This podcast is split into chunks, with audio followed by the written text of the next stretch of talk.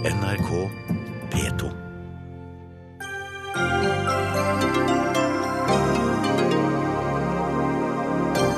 Den nye statsministeren på Island lover nyvalg til høsten. Piratpartiet sier de står klare til å overta.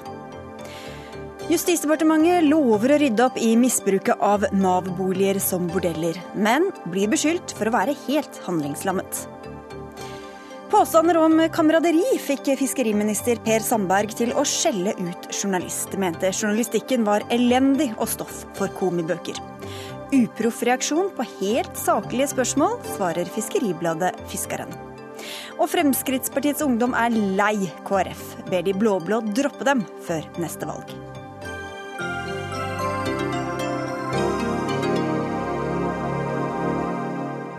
Dette med mer i dagens Dagsnytt 18 i studio Sigrid Solund. Islandske politikere går fra møte til møte for å avklare landets framtidige skjebne. I dag krevde en samlet opposisjon et snarlig nyvalg, og den nye statsministeren Sigurdur Ingi Johansson har nå lovet at det blir utlyst nyvalg til høsten. Og hadde han egentlig noe valg, Peter Nilsson, du er islending og journalist i Vårt Land her i Oslo? Valget besto vel heller av når eh, valget, altså valget eventuelt skulle være. Eh, var det nyvalg umiddelbart, eller var det nyvalg på, sist, på, sikt? Det er jo ikke mer enn et år til det skulle vært valg uansett. Men uh, man kan kanskje tolke det som en, en måte å vise handlekraft da, på at det i hvert fall skal være om et halvt år. Regjeringens mantra etter at det ble klart at statsministeren gikk av, har jo vært at de vil gjennom, altså gjøre ferdig sine store prosjekter.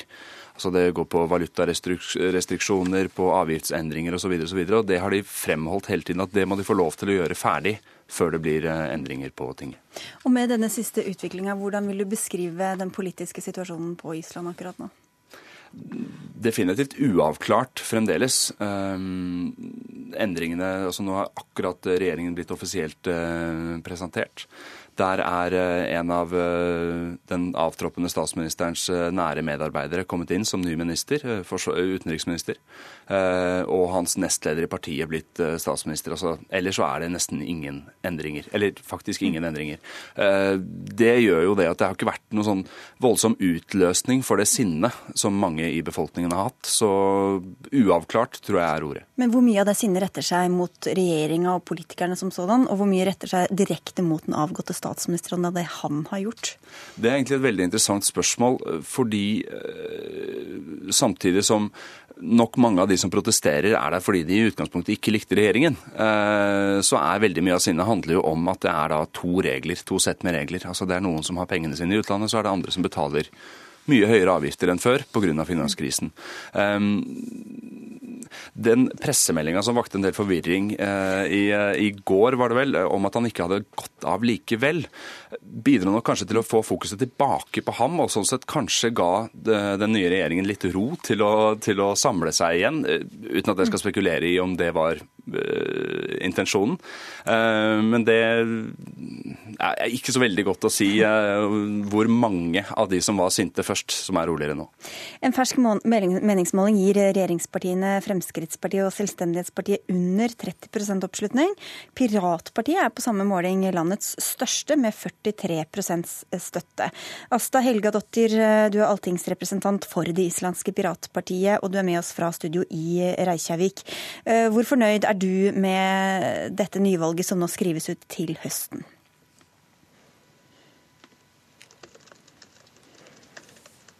Skal vi se om vi får med oss eh, Piratpartiet her fra studio i Reykjavik.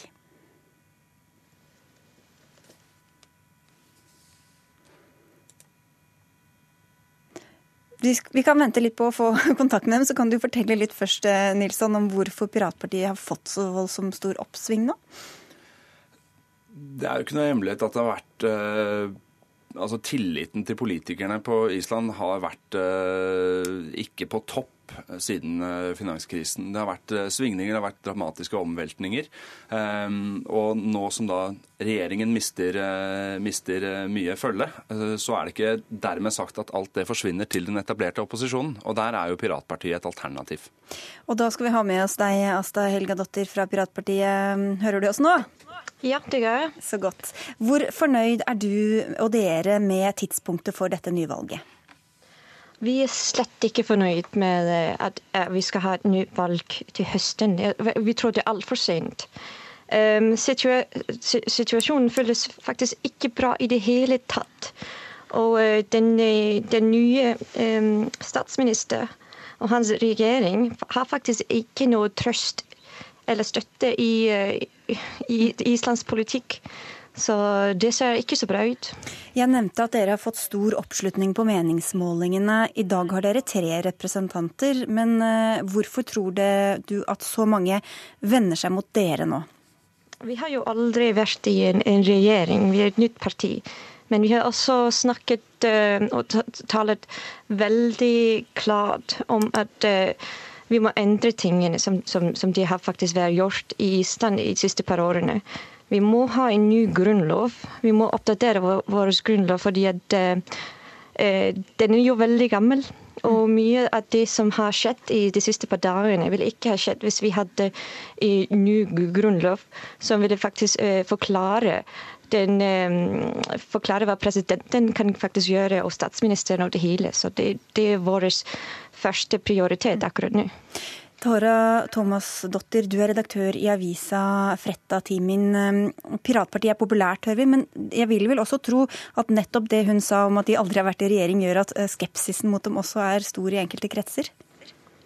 Ja, det er helt klart. Eh, det er, har jo vist seg at de gamle partiene som nå er i regjering, eh, Selvstendighetspartiet og Fremskrittspartiet, de har alltid mye mer støtte når det kommer til valget enn hva de har i meningsmålinger. Så de er ikke lettskremt av eh, dårlige meningsmålinger. Men eh, det er klart at man tar en risiko ved å støtte et parti som aldri har vært i regjering. Mm. Helga Dotter, dere har jo ikke disse heftelsene, men dere har jo heller ikke vist at dere eh, bevist at dere kan styre så langt. Hvorfor skal velgerne vise dere tillit til å styre et helt land? Øh, jeg tror fordi at, faktisk, fordi at vi har ikke vært i regjering og vi har ikke styrt et land før. Så vi kan faktisk komme med et, et, et Vi kan se på det hele med øh, nye øyne. Vi er, vi er nye og vi er ferske. Og vi har lyst til å forandre tingene. Fordi at det islandske Eh, regjeringen her faktisk veldig gammeldags. Og det er veldig mye transparensi og det hele som vi må faktisk endre. Og det er noe som jeg tror at eh, vi må ha, og Piratpartiet kan faktisk stå for. Og Nå blir det altså nyvalg som du sa først til høsten, og dere er veldig misfornøyd med. Hva, hva skjer framover for å framskynde eventuelt dette nyvalget, da?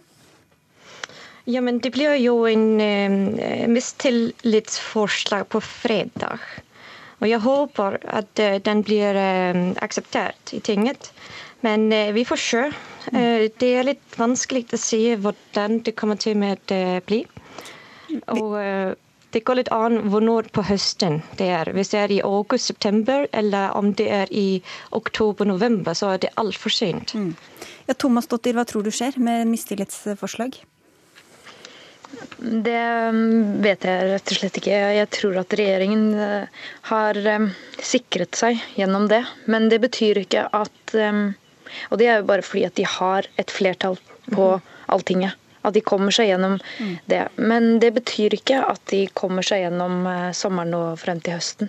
At det betyr ikke at disse endringene, disse bitte små endringene som de har gjort som en respons på den informasjonen som nettopp har kommet ut, at den disse forandringene er store nok.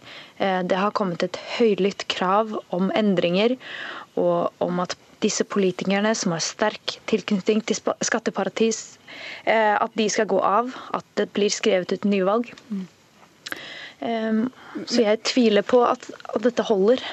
Nå kjøper de seg en del tid, da, Nilsson. Det kan jo være lenge til høsten, eh, enten det da skjer i september eller oktober eller ja, tilsynelatende så gjør de det. Men det er også et av opposisjonens, og spesielt altså de andre partiene i opposisjonens hovedpoenger eh, nå i dagene etter at det ble klart at statsministeren gikk av, har vært det at regjeringen som helhet i grunnen er inhabil i en av de viktigste sakene som eh, står overfor Islands politikk nå, nemlig skatte, skatteflukt.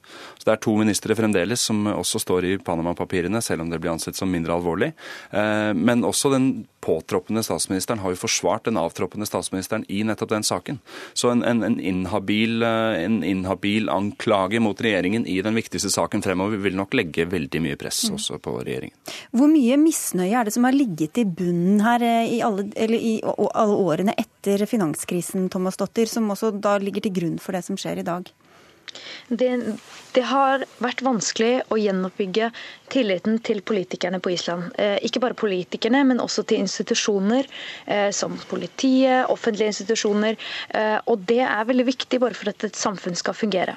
Når vi nå har fått tilsynelatende tilbakeslag i den prosessen, så er det klart at det er veldig mange som opplever en skuffelse. Her har, vært, her har toppolitikere Ledere i regjeringen holdt tilbake informasjon.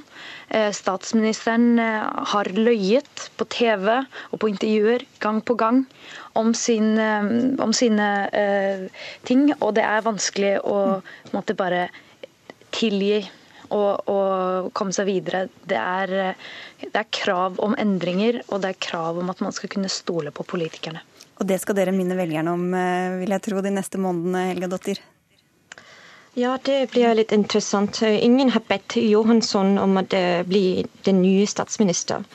Han har ingen støtte eh, fra, eh, nesten ingen støtte fra sitt eget parti, Fremskrittspartiet. Men eh, de er faktisk veldig misfornøyd der innenfor. Ehm, så jeg, jeg håper at venteren kommer snart, like så fort som mulig. Vi får si tusen takk til dere fra Reykjavik, eh, Piratpartiets eh, Asta Hilgadottir og redaktør eh, Tora Thomas Dottir. Og tusen takk til deg også, Peter Nilsson fra Vårt Land. Dagsnytt 18 alle hverdager klokka 18. På NRK P2 og NRK2.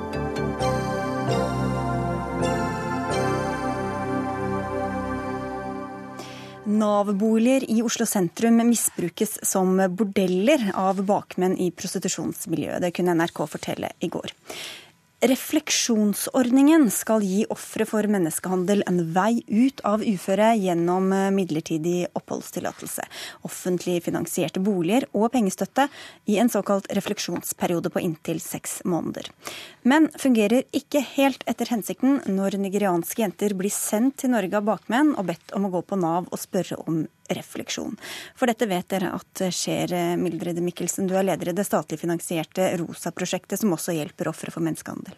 Ja, eh, eh, vi sitter med kvinner hele tida, vi som kommer innom til oss og sier 'reflection', 'socially eh, in Oslo', og vil ikke ha vårt tilbud, for de vil dit. Har, har, Hva er forskjellen på deres tilbud? Fordi Når de kommer, bor i regi av ROSA, så får de oppfølging, og det vil være umulig å være i prostitusjon. Kvinnene sier til oss at jeg kan ikke bryte ut av prostitusjon nå, jeg må betale gjelda mi, så jeg har fått beskjed om, å, om at jeg må bo der. Eh, og det, det er rett og slett eh, en eh, finansiering av bakmannsapparatet som, som den ordninga fungerer i dag. Så da ber de om å få dette hva skal vi si, alternativet, om det er supplerende eller konkurrerende tiltaket, mm. hvor det er Nav som betaler, og hvor ikke det er samme grad av kontroll som det dere har i deres prosjekt? Ja.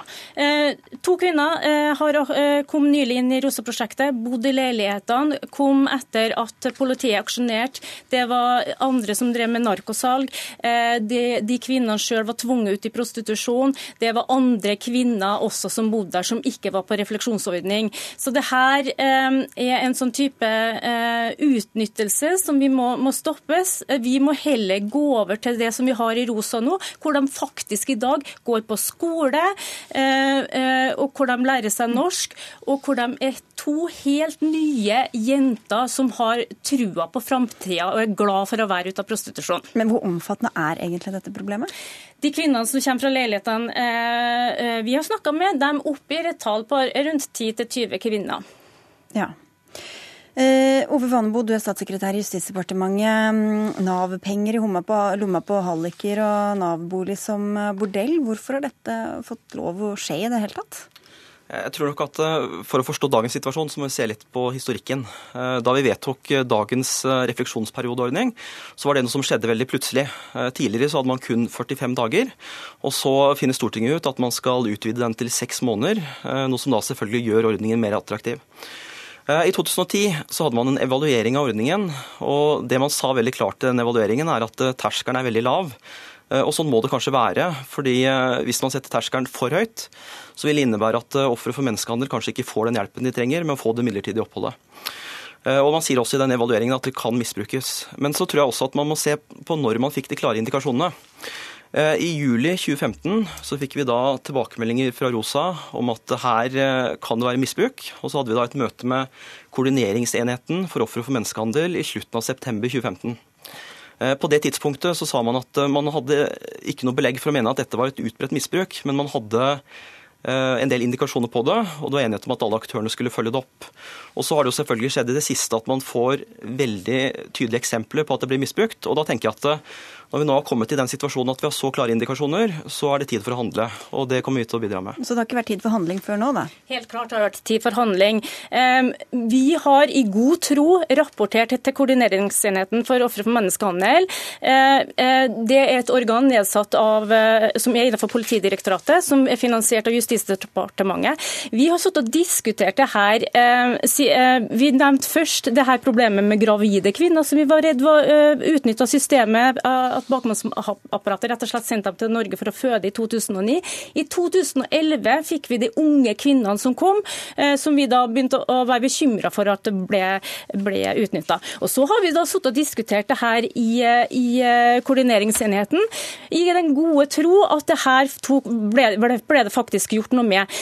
Eh, det har vi da skjønt at det har ikke fungert, så vi sendte da et brev til Justisdepartementet per post for å være sikker sikker på at det skulle registreres i postjournalen i, i juni 2015. Det har vi ikke engang fått svar på av Justisdepartementet. Men det som jeg er opptatt av å diskutere her og nå i dag, det er jo det sånn Hva skal konkret gjøres nå for å Eh, stoppe dette misbruket, og for å, å, å fremme at faktisk ofre for menneskehandel kommer seg ja. ut av situasjonen. Hvis det var en mistanke eh, allerede for mange år siden, og det har kommet da bekymringsmeldinger underveis, ikke direkte til dere, men til en underliggende etat, så vidt jeg forstår, hvorfor, har det ikke allerede, hvorfor er det ikke på plass kontrollmekanismer og, og, og, krav til de som skal bo i disse leilighetene, og sjekke at ikke det ikke foregår prostitusjon der osv.?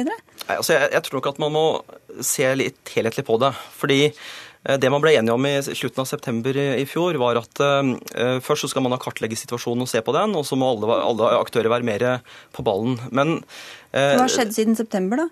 Det som skjer nå i disse dager, er at vi nå finner ut hvordan vi skal evaluere ordningen, for å finne ut hva vi skal gjøre, for da også finne kriterier eller andre ordninger for å få denne utstillingen av de som misbruker ordningen. Men, men så må jeg bare komme på en, eller si en tydelig ting, og det er at Selvfølgelig så kunne man da gjort en del ting som da også øker terskelen, eller, eh, eller gjør det veldig strengt. Men da ville man også risikert at eh, de som da har et reelt behov for eh, denne midlertidige perioden, at de ikke da fikk den oppfølgingen. Men, men, er det, men, er det strengt at, krav å si at man ikke skal leie ut leiligheten eller drive med prostitusjon der? Er det for strengt? Nei, og det er, det er jeg veldig tydelig på at det, sånn skal det ikke være. Og så må man huske at det er jo allerede i dag noen oppfølgingstiltak. Blant annet så er det uanmeldt besøk, hvor man da går inn i disse leilighetene og finner ut om det misbrukes misbrukes. Men så er poenget her at det er veldig lett å krangle om, om snøen som falt i fjor. Det jeg er veldig opptatt av, er hva vi kan gjøre fremover. Og Da kommer vi, vi i løpet av veldig kort tid til å komme med en handlingsplan mot menneskehandel. Og I tillegg så kommer jeg allerede i morgen til å innkalle alle relevante aktører, så vi setter oss ned og finner ut hva slags tiltak vi skal sette i gang for å få gjort det veldig raskt. Et spørsmål til om den snøen som falt i fjor. Ja. For hvis, Er det sånn at Justisdepartementet ikke har fått beskjed hvis det har visst om det lenger ned i systemet, eller hvorfor jeg kan godt informere om hva vi har fått av opplysninger.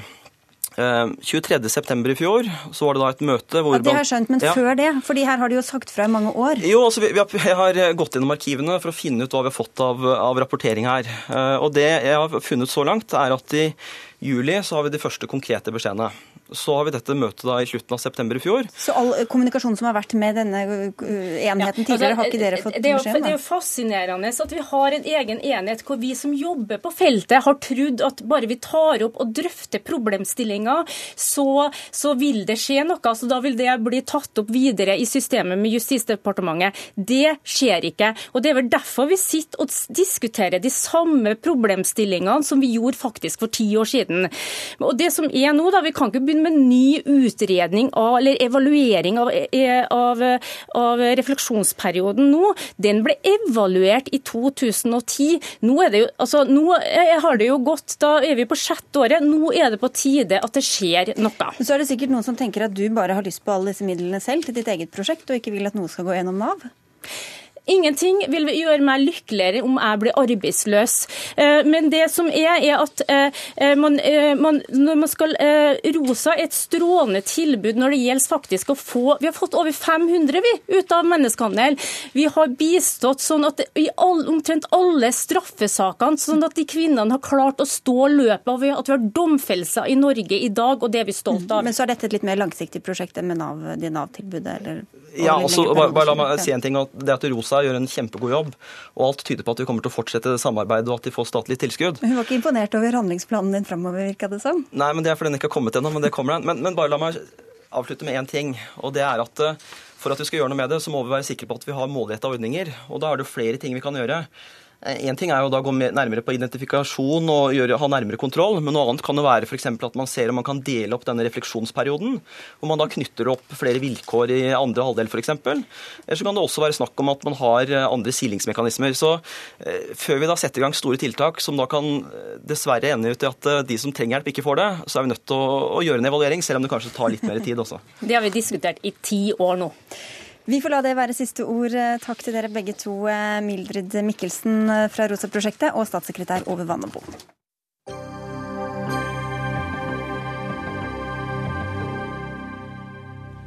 Mens DNB har fått gjennomgå etter Panama-lekkasjene om skatteparadiser og hemmelighold, har storbanken Nordea ligget lavt og ikke fått like mye kjeft her til lands, i hvert fall. Men i formiddag holdt Nordea en pressekonferanse i Stockholm for å svare på hva de har gjort. Banken har vært blant de mest aktive når det gjelder å tilby rike kunder postkasseselskaper i skatteparadiser gjennom advokatfirmaet Mossack Fonseca i Panama. Og de har fortsatt med dette helt fram til i dag. Men Halvard Norum, du er økonomireporter her i NRK nå kutter altså Nordea alle bånd til denne banken. Hva begrunner de det med selv? Altså, De sier at de ikke ønsker å være i det de kaller en eh, gråsone. For selv om de understreker at det kan være legitime grunner til å ha postkasseselskaper eh, rundt omkring i verden, eh, så har det jo kommet for en dag at dette er jo en veldig god konstruksjon dersom man ønsker å, å unndra seg skatt, for å si det sånn. Og så har det også kommet fram at dette selskapet Mossack Fonseca ikke har gjort ting helt etter boka alltid, for å si det forsiktig. og Derfor så ønsker man ikke å være assosiert med den type virksomhet, som man sier. I både både svenske og danske medier har ledelsen i denne nordiske storbanken vært under press de siste dagene. Hva er det som har kommet fram så langt? Det har jo kommet frem at nettopp eh, Nordea har vært behjelpelig med å, å hjelpe kunder til å plassere penger i nokså sånn obskure postkasseselskaper som det kan være veldig vanskelig å få innsyn i for f.eks. Eh, skattemyndigheter. Ja, dette kan jo være postkasseselskaper på f.eks. De britiske Jomfrøyene eller eh, i Panama og, og den type ting. Aftenposten har jo omtalt 370 90 selskaper, mener jeg å huske. Og I tillegg så kom det også fram i dag at det tallet nok er en del høyere, fordi Nordea også har samarbeidet med andre selskaper som, enn Mossack Fonseca, som har tilbudt eh, å være behjelpelig med denne type selskapskonstruksjoner. Hva mer sa ledelsen på dagens pressekonferanse? Ja, De sier jo at ikke de ønsker å være en plattform for det de kaller skatteunndragelse og hvitvasking eh, og den type ting. Eh, og De sier at de nå skal jeg, granske seg selv, både for å se om selskapets interne retningslinjer er fulgt, men også eh, å se om selskapet har vært behjelpelig med f.eks. Altså, eller vært delaktig da, i, i lovbrudd knyttet til skatteunndragelse, hvitvasking og den type ting. Men samtidig er, også, er de ivrige med å understreke at de i 2009 tok initiativ på egen hånd for at det skulle bli lettere å rapportere inn eh, disse pengebeholdningene til eh, skattemyndighetene, og at de som følge av det mistet over 4000 kunder. Kunder som de i dag sier de ikke er så veldig lei seg for å ha mistet. Det er vel grunn til å tro at de var fornøyd med å kunne vise til det i dag. Ja, det... Men uh, vi må spørre til slutt her. Gunn Wærsted er et navn som, som, som, som flere nevner her. Hun var tidligere toppsjef i Nordea i Norge. Hvorfor er det flere som etterlyser henne på banen? Det har jo dels med det at den delen av Nordea som var ansvarlig for disse postkasseformuesplasseringene, det hørte inn under hennes eh, ansvarsområde. Eh, og fordi at hun da forlot eh, Nordea-toppsjefstolen for å bli styreleder i Telenor. Et selskap som jo har sine egne problemer, for en si, etter at det deleide selskapet VimpelCom ble trukket inn i en korrupsjonsskandale i Usbekistan. Og Dermed er det da mange som mener at hun da bør fortelle om, om sin rolle. Ikke nødvendigvis fordi det ligger noe galt i det, men bare for åpenhet og tillit og den type ting. Terje Erikstad, du er utgavesjef i Dagens Næringsliv. Vi hører at Nordea nå avslutter dette samarbeidet med Mossack Fonseca. Men hvilken troverdighet har banken nå i dette spørsmålet, egentlig? For meg er det uklart om eh, banken bare bryter med det ene selskapet som tilbyr en tjeneste som andre selskaper også tilbyr, nemlig å opprette selskaper i skatteparadiser.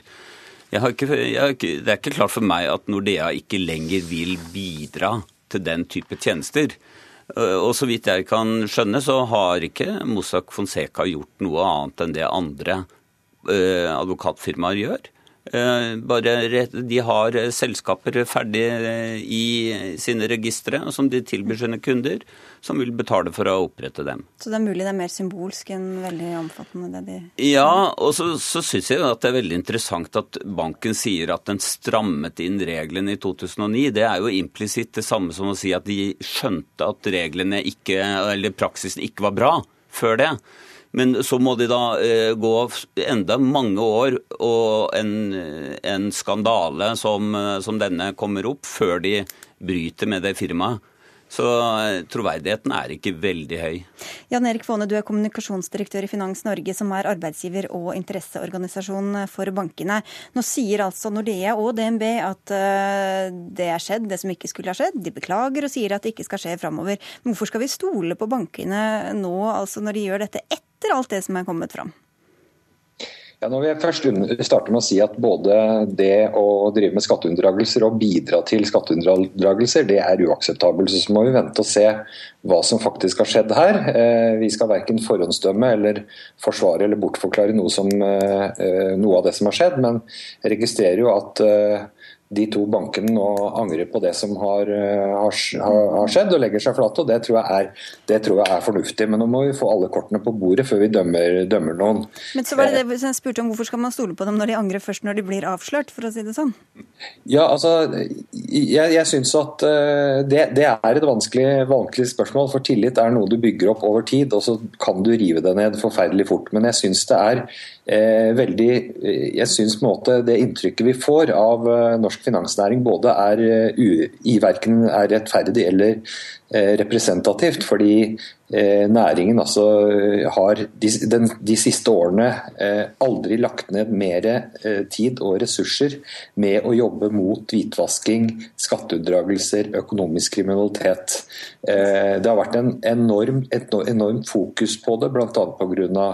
Eh, både strengere regler på, på banksiden i Europa, men pga. hele terror, eh, terrorvirksomheten i, i verden, som, eh, som, gjør at bankene må ha fokus på dette. Så da blir vel dere glade for at dette blir avdekket?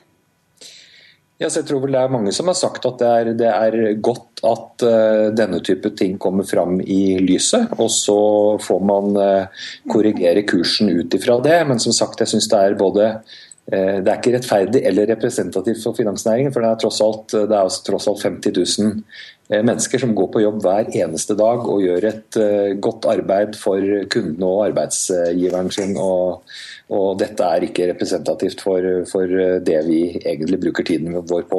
Jeg vil bare nevne for ordens skyld at vi også har forsøkt i flere dager å få Nordea hit i studio, og de ønsker ikke å stille.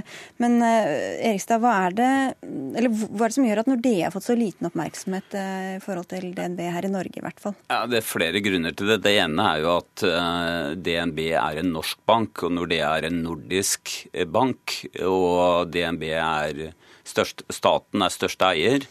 Eh, og at DNB tidligere har fått veldig klar beskjed om fra norske myndigheter om at de ikke burde drive med den type ting de nå beklager at de har bedrevet med. Eh, så, og så har du et, et, lite moment i tillegg, er at Aftenposten, som jo er eneste norske medium som har tilgang på dokumentene, har skrevet mest om DNB. Det var ikke unaturlig at DNB fikk mest oppmerksomhet i Norge til å begynne med. Men dette det angår jo eh, Norge, det Nordea har gjort i, i, stor grad. Men det er jo svenske myndigheter som da skal gjennomgå dette og etterforske og finne ut eh, hva, om Nordea har bidratt til noe ulovlig. Da. Vi nevnte Gunn Wærsted i stad. Dere er blant dem som har etterlyst henne. Hvorfor er det så viktig å få høre, og høre hva hun har å si? Ja, Nå har faktisk Gunn Wærsted latt seg intervjue av DN, så vi har publisert et oh. intervju med DN med henne i, i dag. Vi prøvde allerede søndag kveld, men da henviste hun bare til informasjonsavdelingen i banken. Og Grunnen til at dette er viktig, er jo at dette lå, var direkte hennes ansvar i Nordea. Og nå er hun leder i, eh, styreleder i Telenor, mm. hvor, hvor, hvor selskapets, eh, altså det deleide selskapet VimpelCom har innrømmet korrupsjon, og hvor postkasseselskaper i skatteparadiser er blitt brukt nettopp for å bedrive korrupsjon. Hva sier hun da? Nei, hun sier at uh, dette er beklagelig, og at hun var glad for at de fikk strammet inn i 2009. At hun var med på det, den innstramningen som da skjedde. Men det jo, var jo åpenbart ikke nok, fordi banken nå har avsluttet samarbeidet med det advokatfirmaet. Og resten får vi lese i Dagens Næringsliv. Det får dere. Takk skal dere ha alle tre. Terje Erikstad fra Dagens Næringsliv, Jan Erik Faane fra Finans Norge, og så til deg, Halvard Norum.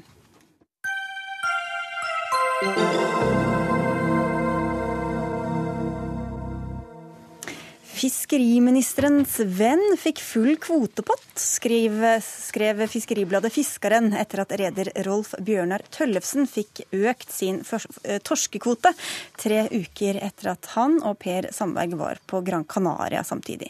I en pause under årskonferansen til Sjømat Norge i Bergen stilte avisa spørsmål om hvorvidt vennskapet med rederen var utslagsgivende for den økte fiskekvota. Hvordan fiskeriminister Per Sandberg reagerte, skal vi høre bitte litt av her. Dette her er Altså, det er så latterlig, det de gjør her, at de aner det ikke. Så enkelt er det. Men jeg ler bare av det. Det, det er så latterlig at det er altså Det er så elendig journalistikk at det nærmest burde ha gått inn i komibøkene, vet du. Ikke sant? Det burde gått inn på Journalisthøgskolen som et eksempel på elendig journalistikk. Ja, det ble litt oppheta? Ja, det ble det. Med rette. Ja, hvorfor det? det elendig journalistikk og komibøkene, hva var det ja, som var så gærent? Det, det er ikke bare elendig, det er altså et makkverk. Og jeg har sett mye god journalistikk, og jeg har sett mye dårlig journalistikk. Jeg har holdt på med politikk lenge. Eh, og da når Fiskeribladet presterer å lage en sånn sak som dette, med utrolig mange faktafeil, og jeg vil gå så langt som å si at det er også løgner der, på tross av at jeg forrige fredag ja, Fiskeribladet påsto faktisk også at de ikke hadde fått svar fra fiskeriministeren. Forrige fredag så ble det sendt over dokumentasjon, faktagrunnlag, på hele denne instruksen. Og bl.a. det at denne var innført eh, lenge før min tid. Men på tross av dette så kjører de denne saken. Og da, når man omtaler eh, og har en overskrift som skriver at Per Sandberg gir en venn kvota Husk på en kvote er millioner av kroner. Og at, jeg, at det er kompisen min. Mm. Ja, det er til og med naboen min. Og, og jeg ser at Haga gjentar det. Han er en sambygning av meg. Ja, vi bor på samme øya. Det er Norges nest største øy, Senja. Det er nesten sju mil imellom våre hus. Men de presterer likevel å få til en sånn sak som dette. De har en overskrift underveis i går i Bergen til at de kaller denne instruksen kvotekjøpsinstruksen. Jeg hører jo også at programlederen nå gjentar at eh, jeg har gitt Tøllefsen økte kvoter. Denne instruksen har ingenting med kvoter å gjøre. Jeg registrerer at eh, ja, ikke så lenge siden så sier altså Haga kort fortalt er det snakk om en ekstra torskekvote, der den eneste fiskeren som får denne kvoten i Troms, er en sambygning av Per Sandberg, fiskeriministeren. Alt dette er så feil, og det er så godt dokumentert over Fiskeribladet, men de gir seg ikke. Nå på tur opp hit til NRK, så måtte altså min kommunikasjonsavdeling fjerne bilder av våre to barn, gutta Som, ble, som de uh, publiserer? Som de publiserer. Ikke Fiskeribladet. Ikke Fiskeribladet. Oh. Men saken har ført til at andre publiserer bilder av våre gutter. Ja, Men det kan vel ikke de stå til ansvar for? hvis ikke Nei, det er de som publiserer det? men, men altså, saken er jo av en sånn karakter at det skaper konspirasjonsteorier. Bløff, løgn. De drar inn kona mi og en hel masse andre ting i denne saken. Og, derfor så er det altså et makkverk. Okay. Og jeg kommer fortsatt til i framtida til å reagere på akkurat samme måte når jeg ser den type makkverk. Ja, Nå var det mye her, Øystein Hage. Du er allerede introdusert her. Du er redaktør i Fiskeribladet Fiskaren. Jeg vet ikke om du vil forsvare deg først? Ja, altså Vi fikk jo samme kritikken i går. Altså, det vi har gjort, er å beskrive fakta. Vi har beskrevet at eh, Rolf Bjørnar Tollefsen har eh, anket. Eh, det ble en behandling i, i departementet i desember etter at eh, Sandberg overtok. De to møttes eh, på Gran Canaria, og en avgjørelse kom i januar. Det er det vi har beskrevet. Eh, Så i ettertid har blitt påpekt at de ikke er venner, men jeg registrerer at i Nordlys for to timer siden så står de frem og forteller om sitt gode vennskap gjennom deres barn. Eh, Og jeg pleier nå ikke å gå på eh, feriebesøk til andre folk som ikke jeg kjenner, men eh, det er nå en del av saken. Vi har beskrevet det som vi vet. Hva, hva, altså, hvor, hvor har dette ifra, Dag? Har jeg uttalt Jeg har ikke snakka med Nordlys i hele tatt i dag om at, har, at, at vi er så gode omgangsvenner, jeg og eh, Tøllesen, fordi at vi har barn. Vi har barn som spiller fotball sammen. Ja. På et lite idrettslag ute på Senja. Men, men, men, du greier altså ikke gi det. Du prøver hele tida, for du har en så dårlig sak. Og du greier ikke å slippe. Men er det ikke relevant å spørre om dere er venner, og om dere er, omgangs, og er i samme omgangskrets? Jo, jo. Når dere har møttes tross alt på et Gran Canaria? Da, Jo, som jo, er det... spørre kan du gjøre. Ja. det er jo ikke det de har gjort. De har jo slått det fast. Både på framsida på Fiskeribladet og inni Fiskeribladet. Og det er gjentatt flere ganger at dette er ikke bare min venn, det er min kompis. Vi har sosial omgang. Vi er naboer.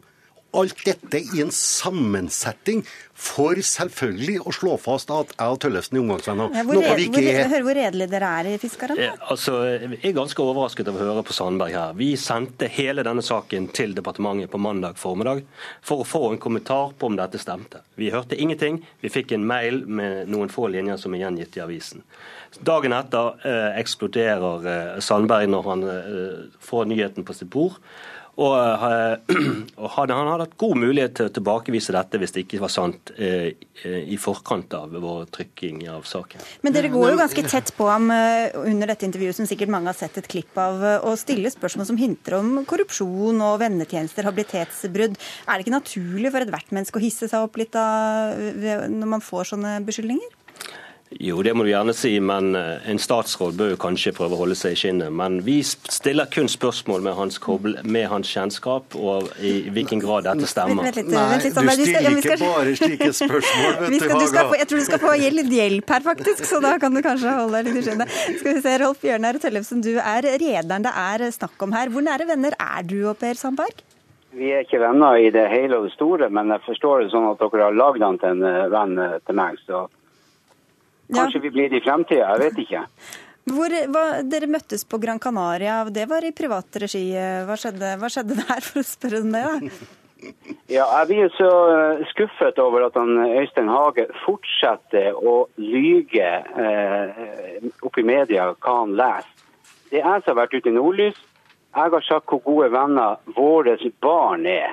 Og således eh, ble dette møtet i stand, fordi jeg sitter i kommunestyret med hans kone. Og eh, eh, de vet at vi har hus på Gran Canaria, og sa at de skulle da òg på ferie. Så ble vi enige om at vi skulle kunne treffes sånn at våre to barn som spiller fotball og går på karate sammen, kunne få møtes én dag. That's it. Det er den eneste dagen eh, vi møttes eh, sånn eh, fysisk. Jeg har sagt i media vi møtte han tre ganger, eh, men bare en gang passert hverandre, en gang sittet i en bil. Og, det, og hvis det eh, er gode, gode kompiser, gode venner, ja da har vi jo en lett verden å leve i. Jeg må bare spørre deg, Per Sandberg. For noen år siden så er det sikkert mange som husker denne saken med Felix Tschudi, som eh, Jonas Gahr Støre måtte svare på ganske mange ganger, hvor nære venner de var. Og Frp var blant dem som presset veldig hardt på. Uten å sammenligne de to sakene for øvrig, eh, hvorfor skal ikke du også forvente å få nærgående spørsmål om sånne type ting? Jo, men, men det er helt greit å få spørsmål. Men når Fiskeribladet og Haga og andre ikke aksepterer svarene, for de er ikke gode nok, for det kler av Fiskeribladet, da blir jeg forbanna. For, og igjen, fortsatt så er det altså sånn at man i Fiskeribladet, som jeg trodde faktisk hadde betydelig kompetanse, fortsatt snakker om at jeg har gitt en kompis en kvote. Denne instruksen som jeg aksepterte 12. For det første så visste jeg ingenting om denne instruksen i desember. Det må være måte på hvor stor og sterk tru eh, Fiskeribladet har på meg, altså. Men det var to dager etter at jeg ble innsatt som statsråd, så reiste jeg til Syden. Hadde ikke greie på denne instruksen overhodet. Forklarte Tøllefsen deg om den instruksen? på Gran Nei, jeg hadde en lang prat med Tøllefsens fantastiske far om fiskeripolitikken for 30 år siden. Og det var en fantastisk samtale jeg hadde der. Ellers ingenting utover dette. Men, men, men fortsatt i dag så holder altså Fiskeribladet fast på at jeg har gitt kvote. Denne instrukten handla ikke om kvoter. Den handla om en fleksibilitet og en nødvendighet for at de der ute kan kjøpe og sette sammen sitt eget fartøy. Men fortsatt så er ja, fiskeriet Få høre fra Hage. Har dere en egen agenda her, eller hvorfor holder dere fast på det? For det første så stemmer ikke dette. Det er snakk om kjøp og salg av kvoter. Det er uten tvil. Men for det andre så setter vi spørsmålstegn. Her er det en sak som ble bestemt i departementet av Per Sandberg, som i strider mot eh, hva de store organisasjonene ønsker. Eh, han har tatt en avgjørelse i denne saken her på bakgrunn av samtaler med næringsutøvere. Vi vet og vi kommer inn i morgen med hvem han har snakket med. Og den, jo, den samtalen og innspill. Og vi vet, vi vet La meg igjen, la igjen, Vi vet Jeg har ikke hatt samtaler. Jeg har fått et innspill til denne saken fra en rekke rederi, på samme måte som jeg har fått fra Fiskelaget osv. Jeg har ikke snakka med disse. Du, du, har, du, har, fått innspill fra to rederi og én lokalpolitiker i nord. Og Der den ene personen har veldig nær tilknytning til deg og til Tøllefsen. Men, men, mener dere at dere har bevis for at her har det skjedd vennetjenester eller altså, urent spill? Eller? Vi, vi, har bevis som kommer med nyhetene i, i, i kveld og i morgen, på at det er eh, bindinger mellom eh, Tøllefsen og Sandberg. Utover det som dere har skrevet om og som har vært nevnt eh, nå i denne saken? Ja.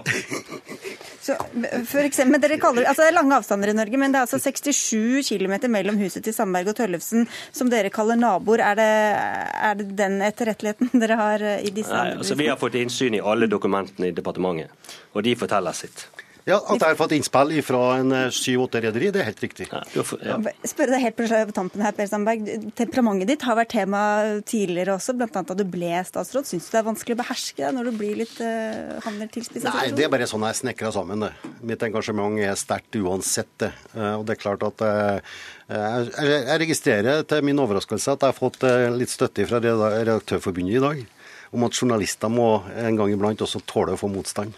Så får vi se da hva fiskeren kommer med etter hvert. Vi får si takk til dere alle tre i denne omgang. Fiskeriminister Per Sandberg, redaktør Øystein Hage og med på telefon også Rolf Bjørnar Tellefsen, som altså er reder og ikke en venn foreløpig av Per Sandberg, ifølge dem.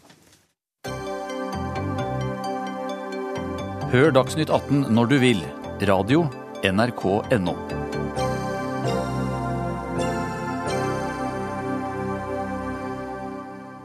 blåser en republikansk vind over Arbeiderpartiets yngre garde på Stortinget. Anført av partiets nestleder Hadia Tajik stemte 18 Ap-representanter for å utrede mulighetene for republikk og avvikle kongehuset da forslaget var til votering i Stortinget forrige uke. Tajik ville ikke gi intervju om hvorfor hun vil ha en ny statsform, verken til VG, som omtaler saken i dag, eller til oss her i Dagsnytt 18. Men du er her, Åsmund Aukrust, stortingsrepresentant for Arbeiderpartiet og regnes vel blant disse unge. Du stemte for republikk. Hvor viktig er det for dere å ha drahjelp fra helt opp i den øverste ledelsen i partiet? Det er selvsagt veldig flott og at Hadia Tajik sto fram med sitt standpunkt i denne saken.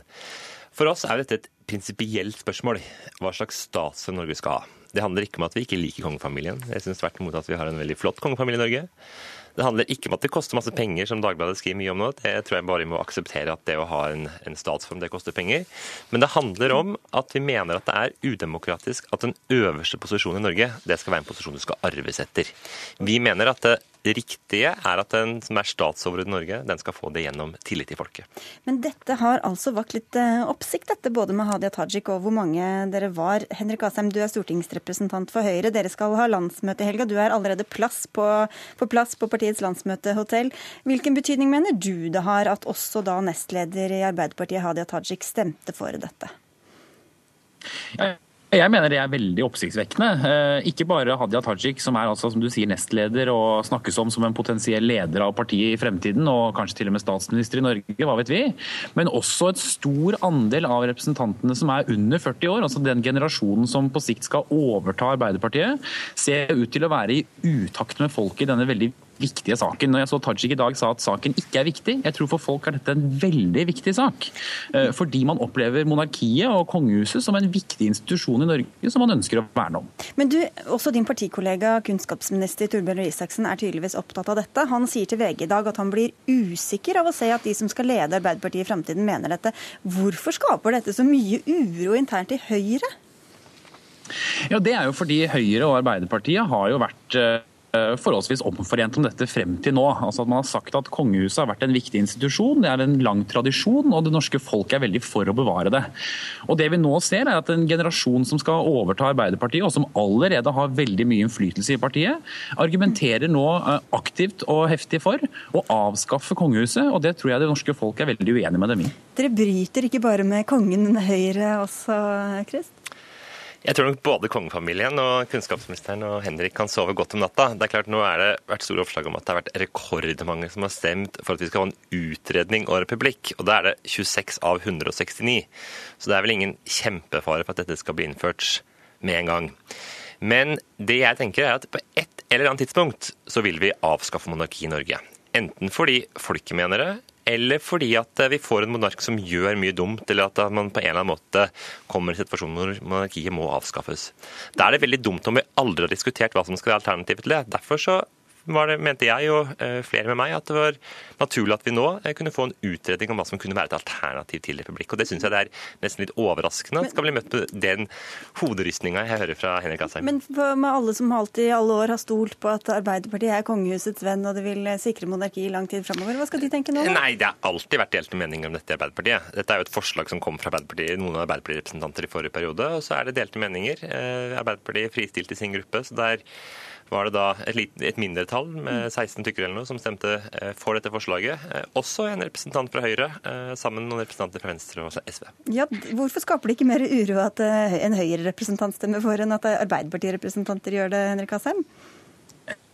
Vel, altså Det er ikke noe overraskelse at akkurat Heidi Nordby Lunde er mot monarkiet. Det var hun tydelig på også før hun ble valgt. Men, det er, Men det er det? Nei, altså Det er en av Høyres 48 representanter. Det som er nytt med dette, og som, altså Jeg er helt enig i at det er langt frem til to tredjedels flertall i Stortinget, men den generasjonen som nå kommer inn i Arbeiderpartiet, der er det rundt 80% av dem som er under 40 år, som altså stemte for å oppheve kongehuset, avskaffe monarkiet. Men at de unge er, er litt mer liberale og radikale enn de eldre, det er vel ikke så voldsomt oppsiktsvekkende, kanskje utenom Høyres rekker? Jeg vet ikke hvordan det er der? Nei, men syns jeg ikke. Syns jeg vi i all rettferdighetens navn ikke skal redusere Hadia Tajik, nestlederen i Arbeiderpartiet til ung og radikal. Hun er altså nestleder i Arbeiderpartiet og har store ambisjoner om å uh, bli partileder, antagelig. I hvert fall uansett ha mye makt i partiet. Og Det betyr at Arbeiderpartiet nå er i ferd med å bryte med noe av det som er folkeviljen, og som er en viktig institusjon for folk. Uh, fordi de nå varsler at de har tenkt til å gå, på sikt i hvert fall, mot monarkiet og oppheve kongehuset. Nei, altså nå tror jeg Henrik Asheim kan roe seg litt ned. Dette, dette høres nesten ut som, dette høres nesten ut som det er sånn, en del av dette eh, faktaflakene til Høyre om hvordan de skal snakke om Arbeiderpartiet med stor usikkerhet. Han har vel rett i at det er det dere ønsker? Det, det dere har stemt for, det ønsker jo å avskaffe monarkiet. var at vi ønska en utredning om hva som kunne være et alternativ til det. Jeg mener at vi på, i framtida ikke skal ha monarki i Norge. Jeg mener at den som skal være statsoverhode i Norge, som har stor innflytelse over landet vårt, det skal ikke være en posisjon du skal få etter arv. Og det vil dere antagelig ha inn i programmet til Arbeiderpartiet også? Ha, altså. det skal du få gjennom eh, tillit til folket. Ja, og da vil dere ha dette inn i programmet til Jeg, jeg, tror, jeg tror ikke dette blir en veldig stor debatt fram til Arbeiderpartiets landsmøte. eh, Fordi at det er ganske åpenbart hva det store flertallet av Arbeiderpartiet Jo, men hvis dere vil det, så må dere vel stå for det også? Jeg kan gjerne være med og diskutere dette mer i Arbeiderpartiet, eh, men til sjuende og sist så er det Stortinget som vedtar det, og der står Arbeiderpartiets gruppe fritt. Og så tar jeg gjerne diskusjon eh, både i Arbeiderpartiet, men også med andre partier om hva som skal være statsformen i Norge. Og imens skal dere skåle for kongen i morgen, Henrik Asheim. Ja, det kommer ikke til å bli noe opprør mot eh, kongehuset på Høyres landsmøte, det kan jeg love, og det har vi heldigvis folket med oss på. Men det er jo sånn at det er jo litt oppsiktsvekkende hvis den unge generasjonen i Arbeiderpartiet ikke ser for seg å ha noen planer om å vinne denne kampen internt i Arbeiderpartiet. Jeg tror de har tenkt til å forsøke å vinne den kampen, og de ser ut til å ha fått med seg den unge generasjonen, som på sikt kommer til å bli den voksne generasjonen i Arbeiderpartiet. Og vi har flere ungdommer som venter eh, utenfor døra vår. Vi må si tusen takk til dere to, eh, Åsmund Aukrust fra Arbeiderpartiet og Henrik Asheim fra Høyre.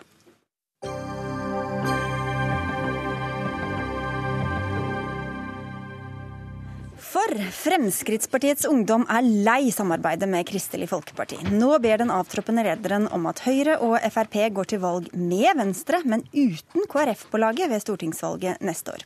Dette sier du til Aftenposten i dag, avtroppende FpU-leder Atle Simonsen. Hvor lei KrF er du egentlig nå? Nei, altså jeg mener jo at det må være lov å tenke litt høyt eh, og spå litt over hva valgpartiet bør ta. Eh, Og når eh, KrFU-lederen selv har sagt at hun gjerne ønsker seg en regjering med Høyre, KrF og Venstre, som jeg har lite tro på vil få et flertall, så må jeg kunne si hva som gjerne er min eh, drømmekonstellasjon, da. Ja, Men du jeg- bruker en litt sånn uvant merkelapp eh, til KrF å være. Du kaller dem det sorte fåret i koalisjonen. Jeg synes gjerne at det, det som kjennetegner de tre andre partiene, det er at de har et liberalt grunnsyn og er litt sånn ja-partier. Som ønsker at folk skal få lov å bestemme mer over egen penger og eget liv. Mens KrF gjerne eh, har et litt annet eh, syn på de tinga. Mm. Og jeg er ikke så veldig opptatt av hvem Frp samarbeider med, men jeg er opptatt av at man får gjennomført eh, Frp sin politikk. Og jeg tror at eh, med de tre liberale partiene så er det muligheter for å få gjennomslag for en god del ting. Store skattelettelser eh, på både bedrifter og personer, liberalisering av eh, skjenkepolitikk, ja. sexkjøpslov. eh, Frp-politikk. ja. Mange gode saker. Ida Lindtveit, du er leder i KrFU. Er dere like lei av Frp som de er av dere? Eller? Det er klart Atle kaller det for en befrielse å kunne slippe løs KrF. Jeg tror at vi hadde nok sannsynligvis sett på det som en befrielse å kunne slippe å samarbeide med Frp òg. Det er klart at det er veldig stor avstand mellom våre partier. Eh, Nå er det en prosess internt i KrF om eh, hva slags valg vi skal gjøre når det gjelder samarbeid. Men jeg har lyst til å peke på at eh, det Atle gjør nå, er kanskje det som kan få Frp raskest mulig ut av regjeringslokalene. Nettopp fordi at han har ikke noen andre å samarbeide med. Hvis Erna og Trine sier at det der er vi ikke med på. Eh, Så han gjør det veldig vanskelig for seg selv, mens vi sier at politikk er eh, viktigst. Vi ønsker gjennomslag, og da er det avgjørende for hvem vi skal samarbeide med. Du appellerer jo både til dine egne i Frp og til Høyre, men tror du du får noe særlig gehør der, da, med tanke på det hun sier også? Ja, jeg håper jo det. Jeg håper at man eh, kanskje tør å, å, eh, å gå med på en allianse hvor man deler et felles liberalt verdisyn. Som jeg tror kanskje kan gjøre det lettere å være velger i Norge, som har hatt en rekordlav velgeravslutning. velgeroppslutning. Om vi har klart liberalt alternativ, så tror jeg gjerne at det er flere som har lyst til å gå og stemme òg. Men jeg vil òg si at dette bør jo være en påminnelse eller et varsko for KrF om at det kanskje de, som KrFU-lederen òg har sagt, bør si litt mindre nei. Eh, Og heller kunne være med på en del av de store formene som regjeringen har deltatt Vi skal få svare på det, men vi skal få inn eh, han i midten på mange måter her. Kristian Tonning Riise, du er leder i Unge Høyre. Eh, Det er ikke sånn topp, topp stemning her, skjønner vi, men du sier likevel at det er uklokt å å tenke om å, på å bryte. Ja, altså, jeg tror det her som Atle kaller en befrielse nå, eh, det syns jeg virker mer som et mareritt. En sånn at vi nå liksom skal skyve bort de borgerlige kreftene i KrF og få et sånt derre statsfetisjistisk, kristensosialistisk parti som skal samarbeide med Støre i stedet. Det, det er ikke det jeg drømmer om, for å si det sånn. Eh, Jeg, jeg syns jo det utspillet her er uklokt fordi jeg mener det kan bidra til å gjøre borgerlig side smalere. Og Da tenker jeg ikke bare på rent sånn oppslutningsmessig, at det vil utgjøre mindre prosent på Stortinget, men òg fordi at eh, jeg ser på KrF, selv om jeg er uenig om en del sånne liberale eh, fanesaker, så er KrF et parti med et grunnleggende borgerlig syn på samfunnet, sånn som jeg ser det. Det er et parti som, eh, som ønsker et sterkt sivilsamfunn, som ønsker at private skal kunne konkurrere om tjenesteproduksjon og bygging av vei og infrastruktur, som ønsker seg valgfrihet i helsesektoren og i, i Familie skolen. og så videre. Ja, det er jo dette for meg er jo mye viktigere i det borgerlige prosjektet. Og så får vi heller leve med at vi får eh, ha noen dragkamper om disse liberale fanesakene. Ja, men det det jeg skulle og spørre måtte- om, da. Hvor viktig blir da liksom sexforbud og spillmonopol oppi når, når han trekker det tegner det store lerretet om det borgerlige samarbeidet? Nei, Det er jo ikke de store, viktige sakene, det. Men det er Likevel er det nok til å få Nei, deg det til å var ikke skyve eksempler på hvor, hvor jeg mener at det er åpenbart at de tre partiene har et helt annet syn enn KrF. Men jeg tror det viktigste som eh, tre liberale ja-partier kunne blitt enige om, det er å eh, kutte i enkelte utgifter som velferdsstaten har i dag, og sørge for at vi får at er betydelige skattelettelser. Men- Og det er jo KrFU-lederen helt enig om. Ja, ikke sant? Så Der har vi jo full enighet. Men, men du, som, du, som Simonsen har sagt et par ganger her, Lindtveit, så har du også gitt det samme intervjuet, eller ikke det samme intervjuet, men intervjuet til Aftenposten, hvor du sier at KrF sier for mye nei og for lite ja.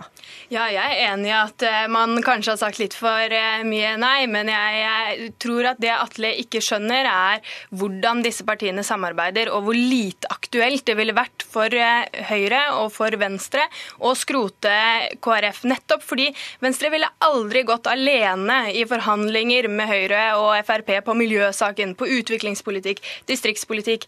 Her er de helt avhengig av KrF. Og det samme gjelder på en del sentrale verdisaker som også Høyre og KrF deler eh, synspunkt på, hvor Høyre og KrF er de som står sammen. Så jeg tror det er en eh, dårlig idé for Frp å ha denne type innstilling, fordi at jeg tror da Høyre vil at det mest fremtidsretta, det er et tettere samarbeid mot sentrum. Hvor, hvor ofte tenker dere i Høyre at øh, det er ganske godt vi har KrF og Venstre også til å hjelpe oss øh, i, i dragkampene med Frp? Jo, altså Det er jo klart at i en, i en situasjon hvor det er eh, Høyre og Frp som sitter i regjering, og vi som legger fram forslag, så er det jo klart at det er eh, krevende å måtte forhandle hele tiden noen ganger. Og det er sikkert eh, noen ganger så trekker man noen sukk når de må gå enda en runde for å få gjennom et forslag, men sånn er det jo, sånn er det å ha, dere litt sånn er det å en, sånn er ha en mindretallsregjering. Men jeg syns at nettopp det poenget som Ida trekker fram nå, med den, eh, med den linjen som KrFU ligger på nå, jeg syns det er så viktig å, å bygge opp under den. For nå har vi en situasjon hvor egentlig alle ungdomspartiene på borgerlig side er veldig opptatt av å stå for en ansvarlig linje i eh, generasjonsregnskapet, som kanskje etter, etter mitt syn er den viktigste politiske idékampen for, for fremtiden. Og Da er det så viktig å ikke skyve den delen av KrF fra seg, for da, jo, da er det jo den delen av KrF som kanskje ikke er like opptatt av det som er igjen. Og Da mener jeg at da gjør man det borgerlige prosjektet mindre, og muligheten til å gjøre noe med dette eh, mindre. Så sånne type innlegg, eller f.eks. et innlegg om Kristelig Furtepartis ungdom, det vil dere ikke ha da, eller? Ja, altså jeg kan jo være ærlig om det. At jeg-. Jo, men jeg, jeg synes jo, det er jo, Den utfordringen har jeg gitt til KrF før også. Jeg synes jo at det tror jeg kanskje Ida er litt enig med meg også. Jeg er ikke sikkert hun kan si det med like store overskrifter som meg, men at kanskje KrF kan bli litt flinkere til å dyrke seierne sine og ikke dyrke tapene sine. Det tror jeg kanskje at, eh, at der hadde kunne KrF lært noe av Venstre, som forstått ikke er her nå, Nei. som jeg syns har vært flinkere til det. Men jeg har et spørsmål om Venstre, Atle Simonsen, med tanke på også hvor viktig det var både for KrF og Venstre å holde sammen, øh, og enten si ja eller nei sammen også da dette prosjektet ble en realitet. Hva tror du er lysten i Venstre til å samarbeide aleine med Høyre og Frp, som jo ville vært realiteten av hvis du fikk det som du ville? Nei, Nå er ikke de her til å svare på det, og det, jeg sier ikke at dette er det mest sannsynlige scenarioet, men det er gjerne mitt eh, drømmescenario. Jeg tror vi kunne bygd en veldig god plattform. Men du ser det som har skjedd i KrF det siste året. I både Hordaland og Rogaland, som er de store velgerfylkene til, til KrF, så har de vraka høyresida for så å gå til Arbeiderpartiet. Eh, Og jeg tror det er fordi de deler mange syn på forbud, skattletting, avgifter.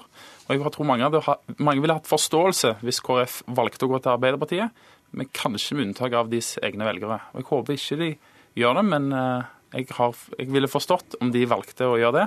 Men jeg syns de skal avklare i god tid før valget. litt litt da. Jeg, jeg tenker jo at Atle må jo også legge merke til at både i Rogaland, i Bergen, i Trondheim, som ofte blir brukt som eksempler på der KrF samarbeider med venstresiden, så gjør Venstre det òg. Og det er nettopp fordi at Venstre og KrF har en del saker hvor vi står sammen om. Det gjelder også i dette samarbeidet. Vi er opptatt av at klima er kanskje den største utfordringen vi står overfor. Derfor jobber vi sammen for å presse regjeringen på det spørsmålet.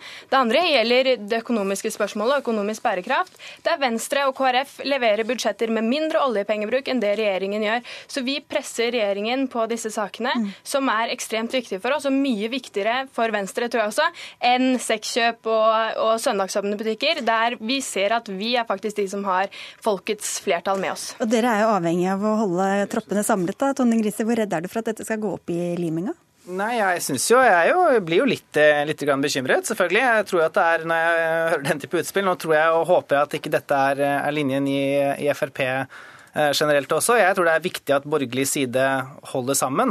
For det viser historien også at borgerlig side har vært nødt til å gjøre det. Så tror jeg kanskje også at Atle bommer litt på entusiasmen i Venstre for å gjøre dette.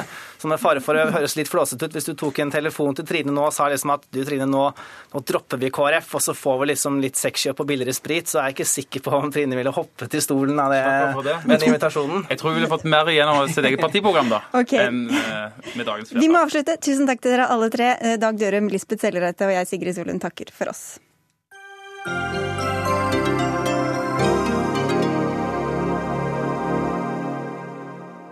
Hør flere podkaster på nrk.no podkast.